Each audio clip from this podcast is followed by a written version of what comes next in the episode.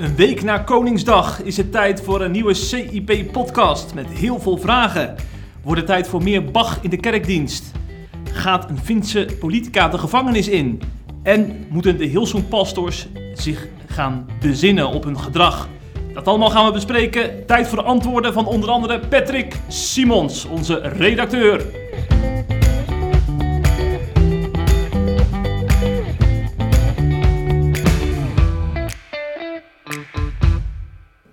Welkom in de podcast. Dank je. En eh, de vorige podcast waren we bij jou thuis, Patrick. Ik kan me nog goed herinneren. Het zag er een stuk lekkerder uit. Nu weer gewoon op het vertrouwde terrein bij ja, CIP. Ja, En eh, ik zie gelijk dat je in een andere stemming bent. ja, kijk, nu zagrijnig. En daarom is het maar goed dat wij een lekker drankje voor ons hebben om in de stemming te komen. ja, precies. Een week na Koningsdag, Ja. een dag voor bevrijdingsdag. Het zijn feestelijke tijden wat dat betreft. ja, maar het is wel dodenherdenking vandaag, hè? dat Ja, je nu even we toch- over. Moeten we toch ook nog even bij stilstaan. Ja. Hè? Want wij, wij gaan daar veel waarde aan. En we gaan Ja. om acht uur gaan wij niet eh, Netflixen of zo. Nee, nee. Dan zijn wij twee minuten stil. Absoluut. En eh, heb jij nog een tip voor mij? Want ik wil altijd wel even een goede docu of film zien om eh, daarbij stil te staan. Nee hoor, ik zou gewoon naar Lege Dam gaan kijken. Ja, dat is, dat is eh, voor jou Ja. genoeg, een lege ja. Ja, ja. Ja, en dan Willem-Alexander komt ook nog wel aan bod. Hè? En Dus, beseffen dat, er- dat er in diezelfde stad eh, zondag eh, 12.000 mensen stonden te hossen. Met Ja. toestemming van de burgemeester. Dat is een mooi bruggetje, want dat komt aan bod in de ergernis van de week.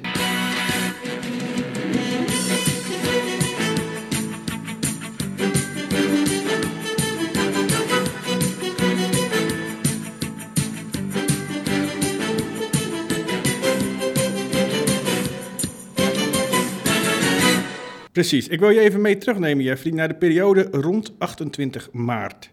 De kerk stond toen vol in de aandacht, helaas niet zoals we wilden, maar toch, overal op de voorpagina. Journalist aangevallen en getrapt door kerkganger Miraskerk, lees ik op een willekeurige voorpagina op die dag. Met als ondertitel 700 mensen komen af op kerkdienst. Kerkganger Krimpen trapt journalist in buik, kopt een andere krant. En weer een ander medium, auto rijdt in op verslaggever Urk, ook in Krimpen geweld tegen journalist.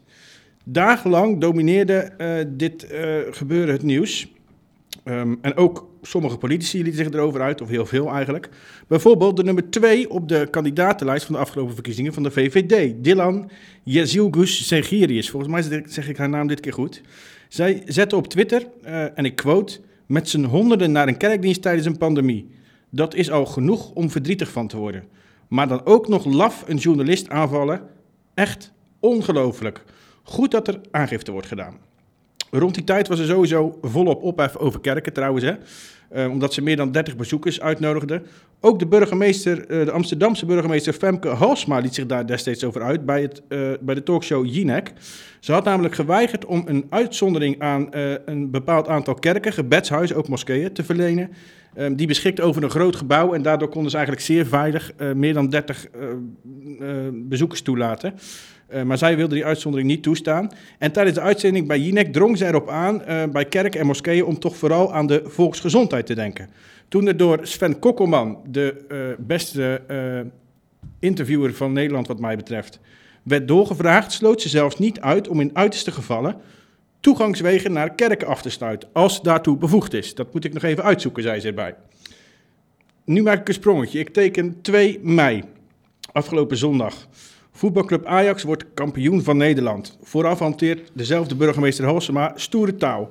Er komt geen huldiging, er is geen ruimte voor een feest, punt, uit. Nou, supporters hadden daar lak aan, want zo stelde tal van hen al vorig jaar tijdens de discussie die toen losbarstte over vrijheid van godsdienst en over de uitzonderingspositie van kerken. ehm, voetbal, en in dit geval Ajax, is onze religie. Dus duizenden mensen kwamen spontaan naar het stadion van Ajax toe en vierden buitenfeest. Als ik het goed heb, in totaal 12.000 supporters. Spelers, medewerkers en het bestuur van de club deden vrolijk mee aan het feest. Geen afstand, volop zingen, volop gillen, volop schreeuwen. Eh, geen mondkapjes. En een persfotograaf die het gebeuren op beeld vast wilde leggen, werd mishandeld. In zijn rug getrapt en hij kreeg een vol bierblikje tegen zijn hoofd. Ehm, waardoor hij een bloedende open wond op zijn hoofd had. Nou, is dat misschien, komt dat misschien herkenbaar over op jou? Want dat lijkt wel een beetje op wat er gebeurde bij die kerk, hè, wat ik net vertelde. Alleen, in dit geval, bij Ajax dus, met meer mensen, veel agressiever en zonder dat er met maatregelen rekening werd gehouden. Want dat doen ze bij die kerken namelijk wel, hè? Met afstand en met mondkapjes enzovoort. Maar, en nu komt mijn ergernis, de reactie was dit keer totaal anders. Zeker, er kwam afkeuring vanuit de pers, maar met veel en veel minder ophef, met uh, veel minder verontwaardiging en ook vooral veel minder aandacht. Er klonk eigenlijk bijna begrip door in de berichtgeving. Ze zijn kampioen, alleen. Precies, die mensen hebben ook echt op een feestje. Dat werd niet letterlijk gezegd, maar dat, dat zo klonk het wel een beetje. Hè?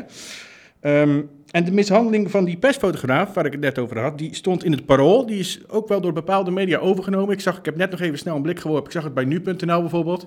Maar niet zo massaal als uh, die mishandeling van die journalisten of die, uh, bij, bij de Miraskerk en bij de Sionkerk in Urk, op Urk. Uh, dus het was veel minder massaal aanwezig en de ophef was veel minder groot. Toen was het echt elke voorpagina van zowel internet als in de kranten. Nu was dat niet het geval. Terwijl, ja, een beetje raar, want het lijkt me toch een beetje hetzelfde. Um, gelukkig waren er wel, daar moet ik er direct bij zeggen, genoeg opiniemakers die er schande van spraken. Maar de algemene tendens was totaal anders dan destijds bij die kerken. Ik zou zeggen dat is hypocrisie van de bovenste plank. Over hypocrisie gesproken. Dylan, waar ik het net over had. Van de. Zweeg in alle talen op Twitter. Ik quote net uh, wat ze destijds op Twitter uh, zette. Hè. Nu zei ze er helemaal niets over. Wellicht had dat te maken met het feit dat ze zelf een diehard fan is van Ajax. Uiteindelijk kon er bij WNL, waar ze uitgenodigd werd om erover te spreken, nog net vanaf dat ze vond dat haar club iets meer verantwoordelijkheid had mogen tonen. En ik quote, door bijvoorbeeld daar niet te gaan staan met de schaal. Ik begrijp dat de spelers hun vreugde willen delen, maar dat wil niet zeggen dat daarmee corona weg is. Nou, ik zou zeggen, proef je het enorme verschil tussen wat ze nu zegt en wat ze destijds over kerken zei. Um, dat zegt eigenlijk genoeg. Bovendien, tot op de dag van vandaag, tot op het moment dat wij deze podcast opnemen, het is nu dinsdagmiddag, dit is woensdagmiddag gebeurd, um, heeft ze geen woord gezegd, getweet, over de mishandelde persfotograaf waar ik het net over had. Gelukkig waren er wel andere politici die heel duidelijk waren in hun afkeuring, zowel landelijk als lokaal. Zo hebben uh, CU en CDA Amsterdam, die waren heel snel met vragen naar burgemeester uh, Halsema om, duidelijkheid van waarom is er zo gehandeld, zeg maar. Um, dus ik zou zeggen hartjes voor die fracties. Over Halsema gesproken, waar was burgemeester Halsema? Die vrouw die, wat ik net schetste, um, in uiterste gevallen toegangswegen naar kerken wilde afsluiten, was nu nergens te bekennen. Terwijl er in totaal 12.000 mensen stonden te hossen en te zingen. Um, tegen haar, want dat, had ze gewoon verboden, laten we duidelijk zijn. Maar ze deed helemaal niets en liet het gewoon zijn gang gaan. Waar de ME afgelopen jaar talloze malen hard, hardhandig ingreep bij bijvoorbeeld koffiedrinkers op het Museumplein. Bij uh, demonstraties van anti-lockdown mensjes. Die hardhandig werden beëindigd met geweld, echt met, met geweld bij gebruikt. Deed de ME nu helemaal niets. En de uitleg die ze gaven was dat er angst was voor escalatie. Ik zou zeggen, het benadrukt nog maar eens haar verworven status als burgemeester van de willekeur. Want bij een BLM-demonstratie eh, in vorig jaar, Black Lives Matter staat dat voor, daar weigerden ze ook al in te grijpen. Uh, omdat deze, en ik quote, te belangrijk was. Sterker nog, ze gingen er tussen staan. Schijnbaar is het overtreden van regels, afspraken en wetten geen probleem als je van BLM bent of als je een voetbalsupporter bent, maar wel als je christen bent. Hoe dan ook, ik zou zeggen, als 12.000 mensen bovenop elkaar mogen staan, mogen springen, mogen zingen en mogen feestvieren bij het Ajax-stadion, lijkt het mij geen enkel probleem als een paar honderd christenen vanaf aankomende zondag netjes op afstand en met inachtneming van alle voorschriften ingetogen Psalm 150 of ook de evangelische broeders denken, vul het huis met uw glorie zingen. Ik zou zeggen, tijd voor een spontane kerkdienst zonder ophef.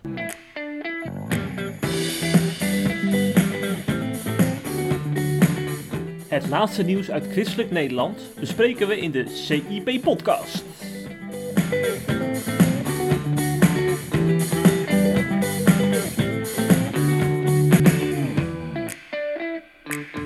Over zingen gesproken, Jeffrey, um, en over muziek. Uh, vorige week en die weken voor hebben wij een aantal artikelen op CIP gehad die behoorlijk goed werden gelezen. En dat ging over Bach in de eredienst van de gereformeerde gemeente. Nou denk je, waar komt dat nou vandaan? Nou, dat zal ik je vertellen. Dominee G.J. Baan, die promoveerde twee weken geleden, dacht ik uit mijn hoofd, aan de Theologische Universiteit van Apeldoorn met een onderzoek naar de vroegste paaskantates van Bach. De predikant van de gereformeerde gemeente van Rotterdam-Zuidwijk verdedigde daar zijn proefschrift en dat ging over uh, muziek van Bach. En daarbij kwam onder andere ter sprake, ook in de interviews die hij daarover hield met het Nederlands Dagblad, het Reformatorisch Dagblad, um, of er in de gereformeerde gemeente eigenlijk plaats zou moeten zijn voor Bach in de eredienst. En dan moet je niet gelijk denken dat er tussen de preek ineens Bach wordt gespeeld, maar daar ging het, ehm, dat zal ik even voor je invullen, zal het voornamelijk gaan over bijvoorbeeld de organist die een stuk van Bach speelt voorafgaand aan de dienst of bij het uitgaan van de Nog niet dienst. eens tijdens de dienst Nee, dus. nee. Sorry, Nee. ja. Ja. Ehm, en hij, Dominic Baan, die, die vindt eigenlijk wel eh, eh, dat er plaats moet zijn voor muziek van Bach in de eredienst. En nogmaals, het zal in eerste instantie gaan om wat ik net zei. En later kan het alsnog gaan zijn naar in de eredienst, hè, maar dat, is natuurlijk geen samenzang, Bach. Ehm, en daar kwam al snel een reactie op, namelijk van dominee G.E. van Aalst. Dat is de hoofdredacteur van de Saambinder. En die was het niet eens met ehm, Baan. En daar was hij ook vrij duidelijk over. En die zei onder andere, en ik zal hem quoten. ehm, en die schreef in de Saambinder, in commentaar op eh, de opmerking van Baan en op zijn promotie. ehm, Bach kan er wel een muzikaal genie zijn, maar hij is nog steeds Luthers. en dat is uit de boze. Zo had Luther volgens, eh, volgens Van Aalst moeite om voldoende afstand tot Rome te houden en was hij praktisch en gemakkelijk. En ik quote nu weer: Ter wille van het kerkvolk dulde Luther in de eredienst veel, in het licht van het woord te veel. Laten we realiseren hoe de ontwikkelingen in de Lutherse kerken zijn geweest vanaf Luther naar Bach en naar het heden. Die ontwikkeling is, ook liturgisch, dat gaat dus over gezangen enzovoort, vaak nauwelijks meer van de rooms-katholieke traditie te onderscheiden. Daar liggen voor ons lessen en waarschuwingen. Je hoeft geen cultuurbarbaar te zijn om duidelijk te, te stellen: wij zijn niet Luthers. Ook niet in onze eredienst. Want, zo stelt hij vervolgens over Bach in de eredienst, onze gereformeerde beleidenis laat daar geen ruimte voor. De eenvoudige woordbediening is het door God gewilde middel. En daar houden wij het samen met onze broeder, dominee Baan bedoelt hij daarmee, graag bij. Want wij willen niet wijzer zijn dan God. En juist dat laatste, Jeffrey, ehm, de eenvoudige woordbediening eh, moet centraal staan in de eerdienst. Hè? Dat is het door God gewilde middel. Dat is waar ehm, professor Dr. Ouweneel op aansprong. Eh, en die heeft daar een column over geschreven. Ja, een van onze vaste columnisten, Ja. bekend gezicht. En eh, hij eh, ging er inderdaad op in.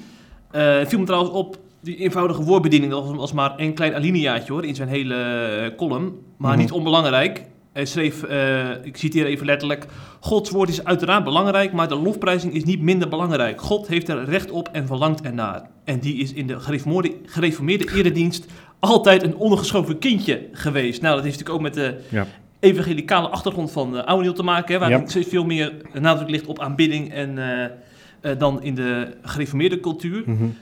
Ehm, maar eigenlijk zijn echte punt, vond ik, in zijn column was dat met name ook in het Nieuwe Testament er veel nadruk ligt op andere muziekinstrumenten dan in de gergem gebruikelijk is. Hè? Want da- daar staat, is het orgel een beetje heilig verklaard. Eh, maar Ouweneel verwijst op verschillende plaatsen in de Bijbel, waaronder Psalm 150, naar, naar trompetten, luiten, harpen, tamboerijnen, cymbalen. En dan heeft hij het ook nog niet eens over de dans. Want dat is natuurlijk helemaal eh not dan in de, in de Ja. gereformeerde gemeente. Komt daar de term jodenkoor vandaan trouwens? Jodenkoor, Ja, dat klinkt allemaal door elkaar heen dit. ja, dat zou goed kunnen, Ja. ja. Ja, en als je bij de, bij de klaagmuur komt op eh, vrijdagavond, dan, eh, dan wordt het ook nog eens mooi in praktijk gebracht, kan ik je melden. Ja. Heerlijk. Met trompetten. Nou, die heb ik niet gezien, nee. nee. Maar die zal ik volgende keer meenemen als ik weer eindelijk het Ik land zou het in niet doen. Dan zien we jou rennen met al die orthodoxen achter je aan. Dat worden heerlijke beelden. Oude heeft kort gezegd de vloer aangeveegd met dominee van Aalst Ja. in een aantal eh, alinea's. En ehm, eh, helaas was dominee van Aalst niet in de gelegenheid om eh, op die column van Oude te reageren. Dat was natuurlijk helemaal wel mooi geweest, hè? Als Ja, dat wilde hij gedaan. Nee, wilde hij niet. Ah. Heeft daarvoor bedankt. Maar vervolgens heeft evangelist Jan van Dooyenweert, in de gereformeerde gemeente niet onbekend, Ja. een invloedrijk evangelist, heeft Ja. wel gereageerd. En hij nam het op voor de eenvoudige woordbediening, waar je net al naar verwees. Mhm. Ehm, wat ik dan een beetje jammer vind, het ging eigenlijk maar heel kort, dus wat ik net al zei over die eenvoudige woordbediening, maar één alineaatje. De rest ging eigenlijk alleen maar over muziekinstrumenten en over eh, de liefde van Oude voor Bach. Mhm. Maar dat ene alineaatje heeft Jan van Dooyen weer dus eh 1500 woorden aan besteed. Ja, Door duidelijk te maken hoe belangrijk nou eh, de preek in de gereformeerde Ja. cultuur is. ja. En hoe belangrijk het in Gods woord is. Maar dat is ook logisch, want dat is namelijk wel de kern van eh, het punt wat Van Aalst maakt. Ehm, Ja. dat, de, dat de woordbediening centraal, altijd centraal moet staan. En Ouweneel schrijft in zijn column Mhm. ehm, dat dat eh onbijbels is. Hè, dat, dat hebben wij ook in de kop boven de column gezet. Eh, en dat is wel, eh, natuurlijk is dat maar één stukje uit Ouweneelse column, maar dat is wel ehm, het grote verschil tussen Ouweneel enerzijds en eh, Van Aals en ook Van Dooyeweert volgens mij als ik het goed gelezen heb. Ja. Anderzijds, dat die Mhm. echt vinden, en dat vinden eigenlijk denk ik de vrijwel de hele reformatorische gezinten, dat de woordbediening, de prediking, Ja. altijd centraal moet staan in de eredienst. ja, want dat is het middel waardoor God mensen Ja. tot zich brengt, Ja. zondaren tot bekering komen. Ja, en Van Dooy spreekt uit ervaring, hè, want hij heeft jarenlang op het zendingsveld in Peru Mhm. heeft hij dat ook van dichtbij gezien. Ja. En eh, eigenlijk proef je dat ook in zijn, in zijn stuk, dat hij, dat hij eh, eigenlijk soort van getuigt van wat God allemaal door preken heeft gedaan, ook door middel van, eh, van zijn bediening. En eigenlijk komt het op hem natuurlijk over zo'n stukje van Ouwendeel dan, van het relativeren van Ja. Gods grote werk. Ja, En eh, dat is eigenlijk jammer, want ik weet zeker als Ja. Ouweneel met Do van Dooyeweert in gesprek zou gaan hierover, dan zijn ze het echt wel eens. Ouweneel gaat niet voor niks ik zou zeggen, het hele land door om te preken. nodig ze allebei uit Ja, dat zou mooi zijn. voor een podcast. Dat zou heel leuk zijn. En Want ik denk dat je helemaal gelijk hebt, ja. Ja. Ehm, eh, ik denk ook dat eh, mensen oude nu ehm, aan, aan- aanbidding, het is niet zomaar zingen, aanbidding. God aanbidden is niet zomaar een liedje zingen. Daar doelt oude op. Hè. God aanbidden is belangrijk in de eredienst. En dat kan ook door middel van preken, maar ook door middel van getuigenissen, door middel van, van zingen, door middel van muziek maken, door middel van Ja. dansen. Het is ook niet mijn stijl, maar ehm, het is wel bijbels, laten we eerlijk zijn. Absoluut. Dus het is niet dat oude zegt, de preek is niet belangrijk. Dat Nee, zegt hij niet. Nee, maar zo wordt het wel opgevat Hij natuurlijk. zegt alleen dat er een, over, over, een, een te veel focus op de preek ligt in de reformatorische gezinten. Ja, ja, ja. Dat is een hele punt. Ja. ja. En ik denk zelfs, eh, als Ouweneel inderdaad in gesprek gaat met Van dat ze nog een heel eind met elkaar gaan Ja. oplopen. Ik denk het ook. En eh, Van zal zeker, denk ik, in dit opzicht dichter bij Ouweneel staan, zelfs nog dan bij dominee van Aals. Dat durf ik hardop te zeggen. Nou, jongen, maak jij daar even een statement? ik val van mijn stoel af. ja, ja, we moeten nu wel even oppassen dat we allemaal boze brieven gaan krijgen na mijn Ja, statement. ja, precies. Jongen, afmeldingen. hey, en ehm, wat vind jij er nou eigenlijk van? Als ik jou de stellingen voorleg, tijdens een kerkdienst hoort de preek altijd centraal te staan. De rest is bijzaak. Nou, daar ben ik het eh, niet mee eens. Zo. Nee, dat, jij kan ook niet anders, hè? Ja, want ik zit in zo'n kerk Ja. natuurlijk. Ja, we zitten in een kerk waarbij het eh, alleen maar draait, eigenlijk met name draait, moet ik zeggen, om ontmoeting. Of gemeenschap, Dus, eh, ja. en, en ook aan, de, aan, aan tafel waar dan goede gesprekken worden gevoerd en waarbij je met mensen in aanraking komt die je in het gewone leven Mhm. nooit zal spreken. Mhm. Daar werkt God op een hele bijzondere manier. Mhm. En dat geldt ook voor een preek. Maar Tegelijkertijd is- mis jij dan wel iets, hoor ik je wel zeggen. Want jij gaat, jij gaat Ja. dan, jij gaat dan eh, als je thuis bent, ga je voor verdieping. En voor inhoud ga je een andere preek Ik, luisteren. ik heb, eh, wanneer was zondag nog een preek gehoord van Herman Selderhuis, van de Christelijke ja, Gereformeerden. ja, ja. Nou, en die kan dan Dominee Selderhuis. Dominee Selderhuis, ach ja, dat is waar ook. Professor. Ja. H.J. Selderhuis. Ja, ja, mevrouw de preek, mag je dominee zeggen. En eh, ja, dat zijn natuurlijk, daar hoor je gewoon in drie kwartier hoor je een knalpreek over Precies. handelingen 1. En die zal ik in mijn kerk nooit horen, omdat je, en je hebt met vertaling te maken, en je hebt te maken met een hele andere context. Juist. Eh, en uh, dus dat, dan, wordt, dan wordt er een heel kort preekje gehouden met een, een, praktische toepassing. En dan ga je, heb je niet die drie lagen die meneer Selderhuis behandelt in zijn Precies. preek. Dus, Ja. dus aan de ene kant zou je kunnen zeggen... um, um, uh, wat, wat, jij dan in jouw kerk hebt, dat, dat mis je dan. Want ik, ik vind... Uh, waar ik, ben, ik ben echt in de reformatorische gezin opgegroeid mm -hmm. helemaal. Hè. Uh, daar, daar wordt dat wel een beetje gemist. Er zijn natuurlijk buiten de kerkdiensten om wel heel veel dingen qua gemeenschap. Hè. Heel veel samenkomsten, verenigingen. Ja. Maar de kerkdienst zelf is eigenlijk vooral eenrichtingsverkeer. Um, en daar missen ze eigenlijk die gemeenschap die jij nu mm. zegt. Hè? Wat ik bijvoorbeeld bij jou heel mooi vind, is dat ze altijd beginnen met ontbijt voor de dienst, mm. samen. En dan neemt iedereen iets mee ook, geloof ik, hè? Of is dat nou niet Nee, dat is gewoon uh, één groepje okay. die te organiseren. Oké, okay, maar goed, in ieder geval, ze beginnen met ontbijt. Nou, ja. dat mis je in de reformatorische gezind eigenlijk. Maar daar staat tegenover dat in dat soort kerken missen ze eigenlijk weer een beetje de diepgang. Ja. Al moet je je afvragen of het publiek wat daar zit, daar behoefte aan heeft. Klopt, want er zijn heel veel mensen uit de AZC's die Ja. een moslimachtergrond hebben. Precies. En die hebben juist die praktische toepassingen nodig uit, de, uit de gelijkenissen van Jezus. Juist, ja. juist. Hey, maar ehm, het, het ging natuurlijk eh, voornamelijk in Willem, in, eh, Willem Ouweneel zijn column over muziek tijdens de eerdienst. We hebben het nu Mhm. elke keer over die- het centrale punt van die woordbediening. Hè? Ehm, maar die muziek tijdens de eerdienst is natuurlijk ook wel een, een, een belangrijk punt in de reformatorische gezin. Daar wordt bijvoorbeeld, je stipt het net al aan, eigenlijk uitsluitend gekozen voor een orgel.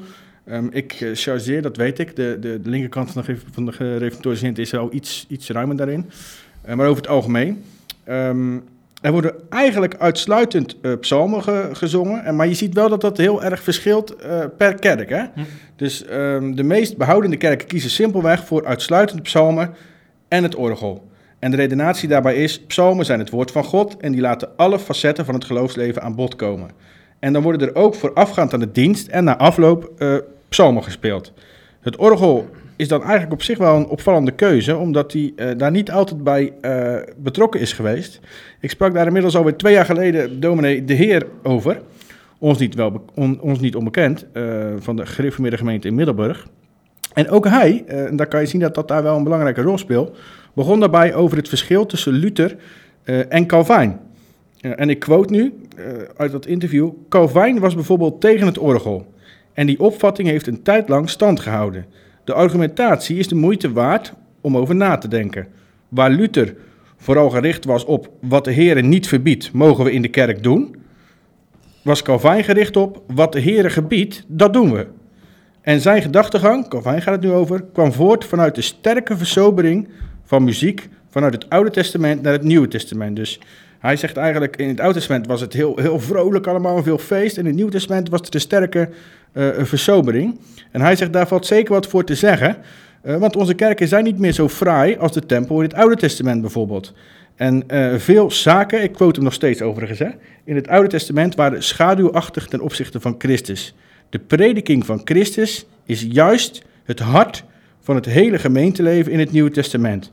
Calvijn heeft wel degelijk nagedacht over zijn liturgische keuze. Wat ik trouwens opvallend vind nu, is dat hij uh, eigenlijk zegt, ja, um, het gaat nu voornamelijk over Christus en daarom moet de prediking centraal zijn. En al dat vrolijk uit het Oude Testament moet dan weg. Waarom dan wel nog steeds de keuze wordt gemaakt voor psalmen? Want dat is natuurlijk het Oude Testament. En ja, natuurlijk zie je, daar krijg je het antwoord. Ik weet al wat, wat je te horen krijgt als je dit zegt. Um, in de psalmen wordt heen gewezen naar Christus, hè. Toch zie je natuurlijk um, buiten enkele psalmen om, waarin duidelijk wordt verwezen naar een leidende knecht bijvoorbeeld. Psalm 22 uit mijn hoofd. Uh, en je, toch zie je heel weinig over het leven van Christus, over het navolgen van Christus, over uh, tot bekering komen tot Christus, wat het betekent om jezelf te verlogen achter Jezus aan te gaan. Nieuw Testament is dat. Dat is allemaal Nieuw Testament, dat komt in de psalmen weinig voor. Dus dat vind ik dan wel een opvallende keuze die ze maken. Um, maar goed, ze kiezen dus alsnog voor het orgel en de Heer zegt daarover, terwijl dat eigenlijk Calvijn in eerste instantie daar uh, huiverig voor was. Hè? En de Heer zegt daarover, uh, nuchter gezien zou ik niet weten hoe ik zondagmorgen met 1200 mensen in de kerk, dit was voor coronatijd overigens, het zingen anders zou moeten laten begeleiden dan door een orgel. Dat instrument heeft de kracht om gemeentezang te begeleiden. Het is niet zo dat het orgel een heilig instrument is. En nogmaals, als je wat meer opschuift naar de linkerkant in de reformatorische gezinten, dan verandert dat wel. Hè? En dat begint dan met iets minder behoudende kerken, die doen dan voor de eredienst al um, liederen, geestelijke liederen spelen en na, bij het uitgaan van de kerk. En als je nog wat verder gaat, dan wordt er af en toe een gezang in de dienst gezongen. Of na de dienst zingen ze samen nog een aantal liederen. Um, en als je nog wat verder gaat, dan komen er andere instrumentjes bij. En uiteindelijk kom je dan uit bij een drum. Dat is de laatste fase. En dan ben je evangelisch. Zo, zo wordt dat een beetje gezien dan. Hè. Dat is natuurlijk heel zwart-wit zoals ik het nu schets. Um, wat ik overigens wel vreemd vind, als, ze dan, als mensen zo, zo pal voor die psalmen staan. Er wordt gezongen in de reformatorische kerken uit uh, um, het boek der psalmen en enige gezangen. Dus rond kerst bijvoorbeeld wordt er wel in de dienst uh, de lofzang van Maria, de lofzang van uh, Elisabeth... Wordt, of van Zacharias, sorry, die wordt dan gezongen. En dan kan dat ineens wel in de eredienst, buiten de psalmen. Dan zullen ze zeggen, ja, dat is letterlijk uit de Bijbel. Nou, ik kan je heel veel liederen van Christian Verwoerd, uh, van Kees Kraaienoord, van Opwekking... en noem het allemaal maar op, noemen... waarbij de teksten gewoon rechtstreeks uit de Bijbel komen. Dus dat lijkt me geen argument. hey, en jij bent de evangelische man hier? Ja, word ik zo genoemd hier? Voor mij wel. Ja. Nou, dan, nou, bij deze ben ik de evangelische man. Precies. Dus ik zou zeggen, leg jij maar eens uit hoe dat daar gaat. Ja, ik kan natuurlijk uit ervaring spreken, want ik ben inderdaad tien jaar lid geweest van de Evangelische Kerk. En het viel mij op uh, dat daar, in, waar de, in de GGM zeg maar, de psalmen echt heilig zijn verklaard, die, die horen bij de eredienst. Dat geldt in de Evangelische Kerken heel vaak voor de bundel opwekking. Ja. Nou, dat is natuurlijk uh, bekend van de conferentieopwekking. Elk jaar komen daar twintig nieuwe liederen uit. Ja. En die staan nee, niet in het teken van de boetepsalmen of de klaagliederen. Nee, die gaan toch vooral over uh, het bevrijdende leven met Christus. Hoe je het leven als een overwinning met hem mag, mag vieren, ja. zeg maar. Ja. En eh, ik, ik vond dat fantastisch, want eh, als je tot bekering komt, ik denk dat veel mensen dat herkennen, dan, dan wil je dat echt uitzingen. Dat je samen met Christus bent opgestaan en verlost van de zonde. Eh, maar het viel me wel op dat dat echt super een, een, hyperfocus heeft hè, in de evangelische cultuur. Ik denk ook dat het samenhangt met, met de geloofsbeleving inderdaad van al die mensen. Mhm. Want die ervaren ook gewoon in hun dagelijks leven eh, heel weinig die ellende. Die vaak in de revelcultuur ook wat meer nadruk krijgt in de preken ook. Ja. Hè? We kennen de drieslag ellende, verlossing, dankbaarheid uit de Heidelbe- Heidelbergse catechismus. Ja. En ja, in de evangelische dingen ligt vooral de nadruk op die laatste twee. En dat zie je dan ook in de liederen terugkomen. En dan heb je dus inderdaad niet die klaagliederen die gaan over onze worstelingen en twijfels en over onze eh, noden hier op aard. En eh, die hebben we toch wel nodig. En dan moet ik denken aan Teun van der Leer. Dat is natuurlijk een held, hè? Ja, Eh, een eh, invloedrijke man in, binnen de Baptistengemeente. Ja. gemeente en eh, volgens mij ook eh, docent aan het seminarie. Ja. Hij, en dan citeer ik even letterlijk uit de interview, want hij kan het veel beter verwoorden dan ik. Die hele worshipcultuur vind ik goed, zegt hij, omdat het ons verlangen voedt om dichter bij het hart van Jezus te zijn. Hmm. Maar de psalmen zijn heel belangrijk. Het grootste boek in het hart van de Bijbel. Het is een gebedenboek vol met gebed en aanbidding. Het hele leven zit erin. Ook het klagen, het dorst hebben, het niet begrijpen, het vormende. Als je dat zingt, maak het je, maak het je, je eigen. En dan verwijst hij ook naar Jona. Die eh, profeet die dus ook in de diepste ellende van zijn bestaan... toch die klaagpsalmen opdreunde in de vis. in de vis. En eh, eh, hij zegt dan, misschien heeft hij ooit wel gedacht, waarom moet ik die allemaal leren? Maar toen hij in een situatie van nood zat, kwam het hem goed uit. Ja, dat kennen natuurlijk heel veel Precies. reformatorisch mensen te voet uit. Als er ellende is in hun leven, dan gaan ze naar die psalmen Precies. terug. En eh, ik denk dat evangelische mensen dat net zo hard nodig hebben, want ook die hebben Ja. met ellende te Ja. maken. Maar eigenlijk komen we nu dus, nu we het over muziek hebben, komen we eigenlijk op hetzelfde uit als waar we het net over hadden toen we het Ja. over het centrum van de, eh, of de preek centraal moet staan of niet. Hè? En dat is namelijk, ehm, eigenlijk zijn er maar heel weinig kerken waar in de muziek een gebalanceerde keuze wordt gemaakt. Ehm, het hangt vaak of de ene kant op, wat ik net zeg, psalmen, eh, uitsluitend, en dan enige gezangen. Het klinkt dan mooi trouwens. Ehm, en dan heel weinig eigenlijk in de muziek over Jezus, los van de verwijzingen die ik net noemde, en over het leven met Jezus. Ehm, en aan de andere kant, eh, heel veel over het leven met Jezus, maar eigenlijk amper de psalmen. Terwijl de psalmen, laten we eerlijk zijn, die zijn enorm rijk. Ehm, Hoe je ook voelt, je kan altijd identificatie vinden in de psalmen, zeg ik altijd. Dus eigenlijk lijkt het weer alsof er twee uitersten zijn, alsof de gebalanceerde middenweg er nauwelijks te vinden is. Ja, dat is heel jammer. Ja. Moet je dan naar gereformeerde vrijgemaakt? Eh, nee, ik denk dat het een illusie is dat er, in, dat er één kerkstroming is waarbij je die middenweg vindt. Ik denk dat dat gewoon PKN, stippen, PKN, stip op de kaart zijn. PKN. PKN, Ja. heb je hem weer met zijn PKN. Dat is wel zo. Ja, je spreekt Ja. PKN, daar worden psalmen gezongen en opwekking. Ja, en dat zijn dan vooral de kerken die zich eh, verbonden voelen met evangelisch werkverband en zo. Ja, dat ja, ja, ja, ja, ja, dat zijn niet de gereformeerde bondsgemeentes, nee. Nee. Hoewel, ook sommige misschien wel hoor. Ja, ja, maar dat zijn echte uitzonderingen hè, waar we het over hebben. Nou, ik weet het niet. Nee, ik bedoel op de, echt, op de landelijke Oh. kaart. Ja, ja, ja, Ja. ja. Dat is wel jammer inderdaad, want het zou gewoon standaard moeten zijn. precies. Vind ik wel. En daar komen we misschien weer uit bij dat we wat meer naar elkaar moeten luisteren als kerk en als christenen. In plaats van altijd maar ons eigen kerk, eh, kerk, tra- kerktradities te volgen. Ja. Lijkt me een mooie afsluiting. Oh nee, ik heb een hele andere afsluiting. Oh. Voordat we naar het volgende punt gaan, laten we luisteren naar een stukje van Bach.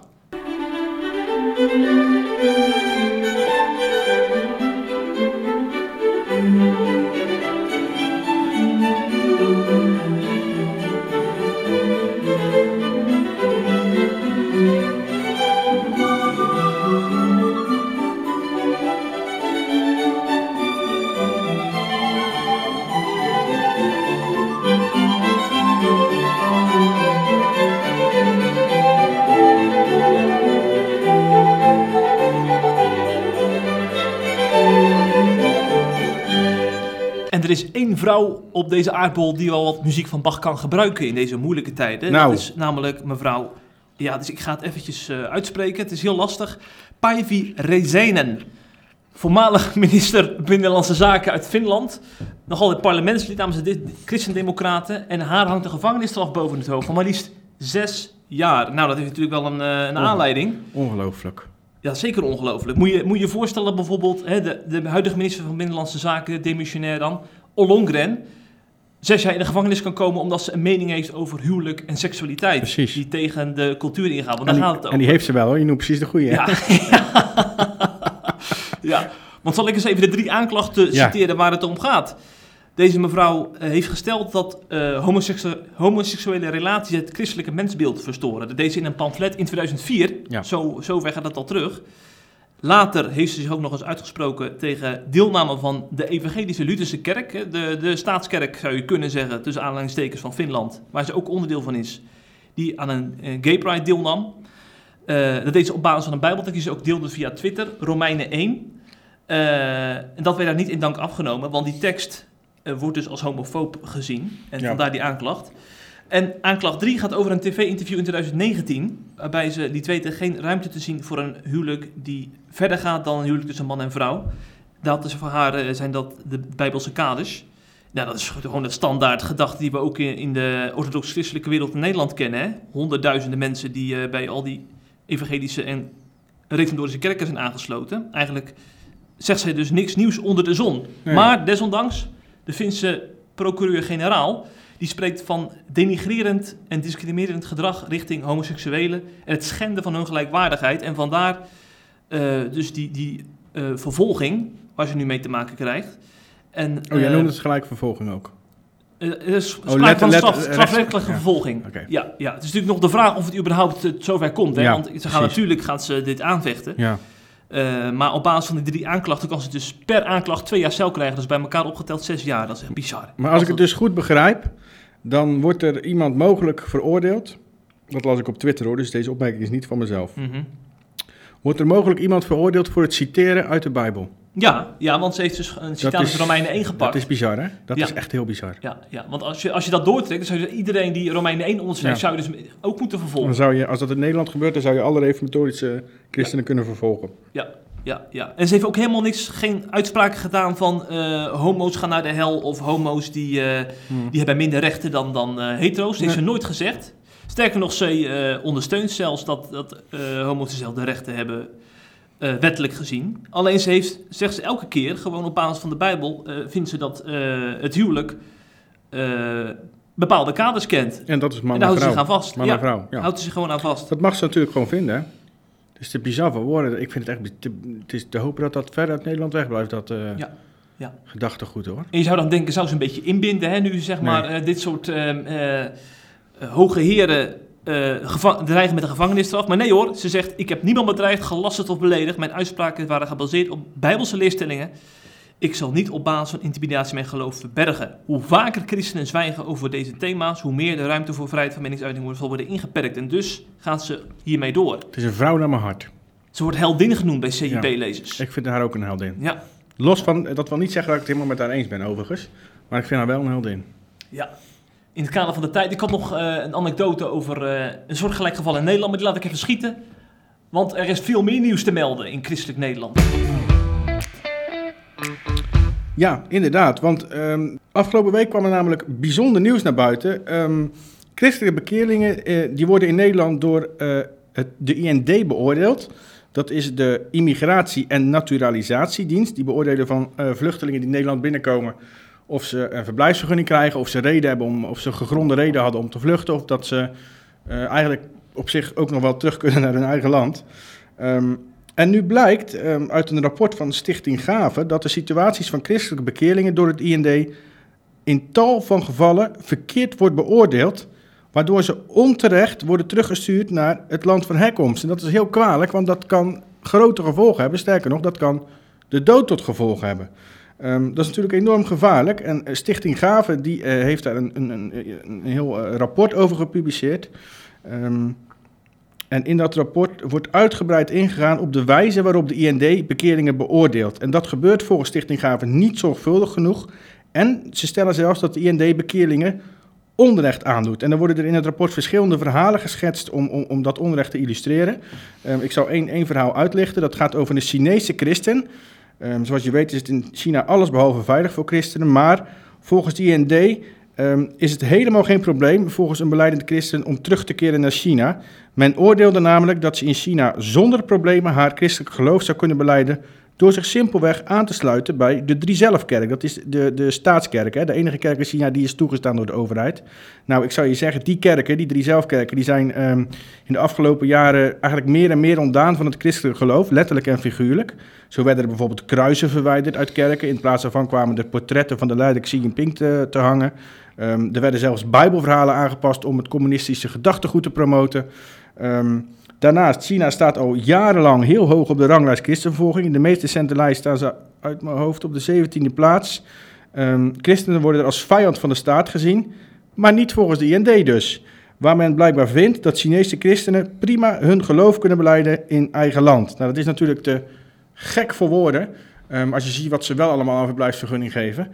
Um, en dat vinden de SGP en de ChristenUnie ook. Dus uh, Don Seder van de ChristenUnie, kerstverskamerlid, en Rudolf Bisschop van de SGP, een iets minder kerstvers, maar een oud-gediend Kamerlid namens de SGP, die hebben naar aanleiding van uh, de publicatie van Stichting Gaven besloten om Kamervragen te stellen. En ik zou zeggen, hou CIP in de gaten, wordt vervolgd. Ja, want er komt onder andere een artikel aan met uh, drie betrokkenen, een asieladvocaat onder andere, die gaan duidelijk maken of ze zich herkennen in de conclusies van Gaven. Dus dat wordt spannend.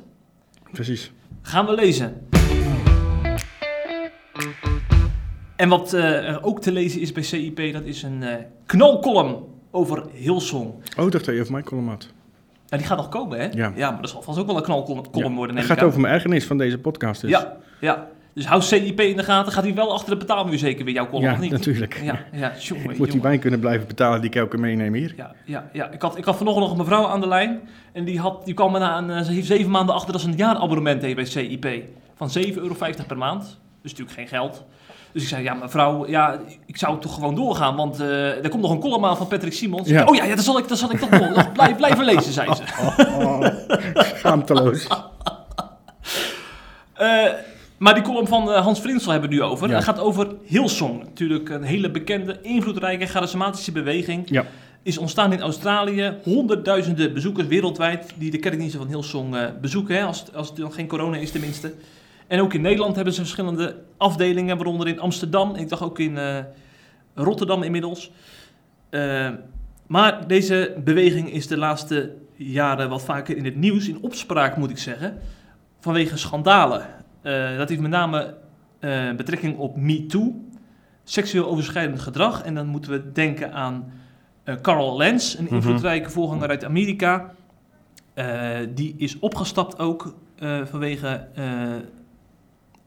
misbruik maken van zijn positie als voorganger. Een ander voorgangers-echtpaar, Reed en Jess Bogart uit Dallas, zijn onlangs opgestapt omdat zij een leven in luxe en overdaad leiden. En dat ging niet samen met uh, de moraal van Hillsong. En hebben, deze week kwam er ook nog eens pastor Daniel Barrett bij, ook uit Amerika. En hij verstuurde intieme, ongepaste foto's naar een vrijwilligster, onder andere. Want ik denk dat er nog veel meer achter zit. Want uh, uh, Hillsong is heel erg terughoudend in het delen van details over dit soort kwesties. Dus dan moet je eigenlijk altijd een beetje gissen. Ja. Maar het heeft altijd dus met MeToo te maken. Dus... Uh, dat zijn ook altijd mensen, valt mij op, die op een voetstuk staan. Hè? Hillsong, wie Hillsong kent, weet dat één pastor is aangesteld over een hele gemeente. En eigenlijk, die pastor heeft bijna alle touwtjes in de handen. Die is echt het gezicht naar buiten toe. Doet bijna alle preken. Ehm, en ja, eigenlijk niet, niet een gelijkwaardige model wat heel veel andere kerken kennen. Met, met vijf mensen die naast zo'n pastor staan. Dus is echt, echt top-down model, zou ik maar zeggen. Mm -hmm. Ja, en daar gaat het al vaak mis. Maar Hans Vriensel legt er nog op een andere manier de, de, vinger op de zere plek. Ik citeer even uit zijn column. Op het eerste gezicht lijkt de geloofsbelijdenis van Hillsong redelijk orthodox, maar wie in hun leer en praktijk nader bekijkt, beseft dat het een verhullende sluier is. In zijn boeken en toespraken draagt Brian Houston, dat is de oprichter van Hillsong, nadrukkelijk de principes van het welvaartsevangelie uit. En hij noemt dat een misleidende vervalsing van het evangelie, deze Frinsel. Uh, het richt zich op een bevrediging van verlangens in het hier en nu. Het is daarom niet vreemd dat de welvaartsbeweging vergeven is van schandalen van manipulatie, misbruik en overspel. Dat is simpelweg het gevolg van het feit dat Hillsong dus uh, leer en leven zo uit elkaar trekt. Dus dat ze zeg maar, een boodschap verkondigen die ze zelf niet uitdragen. Ja, en als pastors er vervolgens op een voetstuk geplaatst worden en uh, niet echt op een juiste manier in de gaten worden gehouden door een door leiders die naast hun staan, dan kan het dus uit de hand lopen. Nou, en wie, kan, wie wil weten hoe dat echt ziet misgaan, ook hier in Nederland, moet het boek De Erfenis van Adriaan eens lezen. Een briljante roman geschreven door Johan Lok Ja. over een kerk in Rotterdam. Nou, en dat is dus precies het eh, gevaar waar Hans Vincent voor waarschuwt. En eh, daar, zijn helaas te veel voorbeelden van. Ja. Eh, dus ik zou zeggen tegen alle commissies, kerkenraden, leiders die bij Hilsum betrokken zijn, lees die column van Hans Vrinsel. Het is niet bedoeld om te schieten met bijbelteksten. Het is bedoeld om de vinger op de zere plek te leggen. Heel goed. En eh, ja, toch uiteindelijk dichter bij Jezus te brengen. Want dat is waar het om gaat. Hè? We willen uiteindelijk niet kerk zijn om, omdat wij eh, die glitter- en glamourdienst willen organiseren. En eh, wat Hillsong vaak doet. Maar uiteindelijk eh, moet het toch om die boodschap gaan. En die gaat toch Ja. die verdwijnt te vaak naar de achtergrond, volgens Ja. Vrinsel. Ja. ja. Dat is triest. Nou, dan zijn we er alweer, hè, Jeff. Ja, daar zijn we weer. Ik stel voor dat we, omdat het 4 mei is en morgen 5 mei, dat we afsluiten met het Wilhelmus. En tot de volgende keer. De groeten!